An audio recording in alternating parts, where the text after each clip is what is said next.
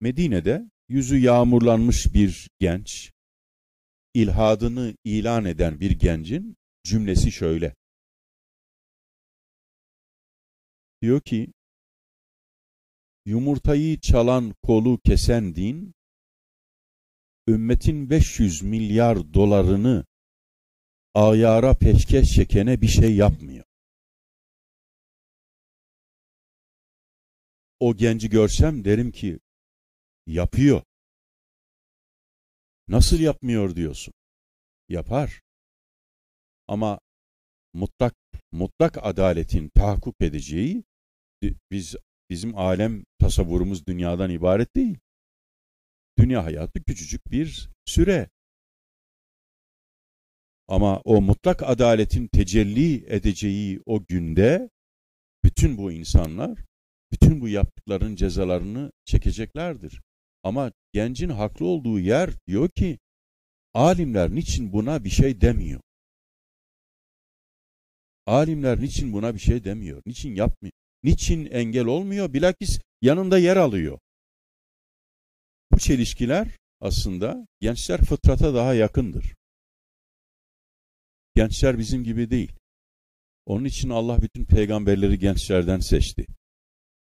Peygamberler de bütün arkadaşlarını gençlerden seçtiler.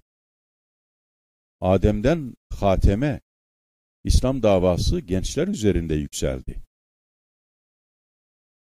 Gençler fıtrata daha yakındır. Gençlerin bu itiraz dalgasını rahmete dönüştürmek bizim elimizdedir. Biz annelerin, babaların, hocaların, müesseselerin oturup yeniden düşünmesi gerekiyor. Yeniden düşünerek biz gençlerin bu itiraz dalgasını nasıl rahmete dönüştürürüz?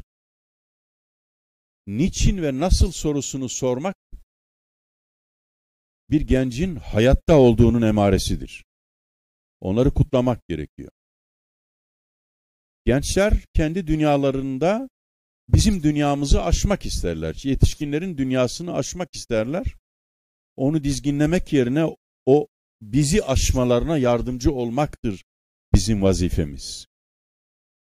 Hazreti Ali diyor ki, evlatlarınızı kendi zamanınızın örflerine ve adetlerine göre yetiştirmeyin. Gelecek zamanın adetlerine göre yetiştirin.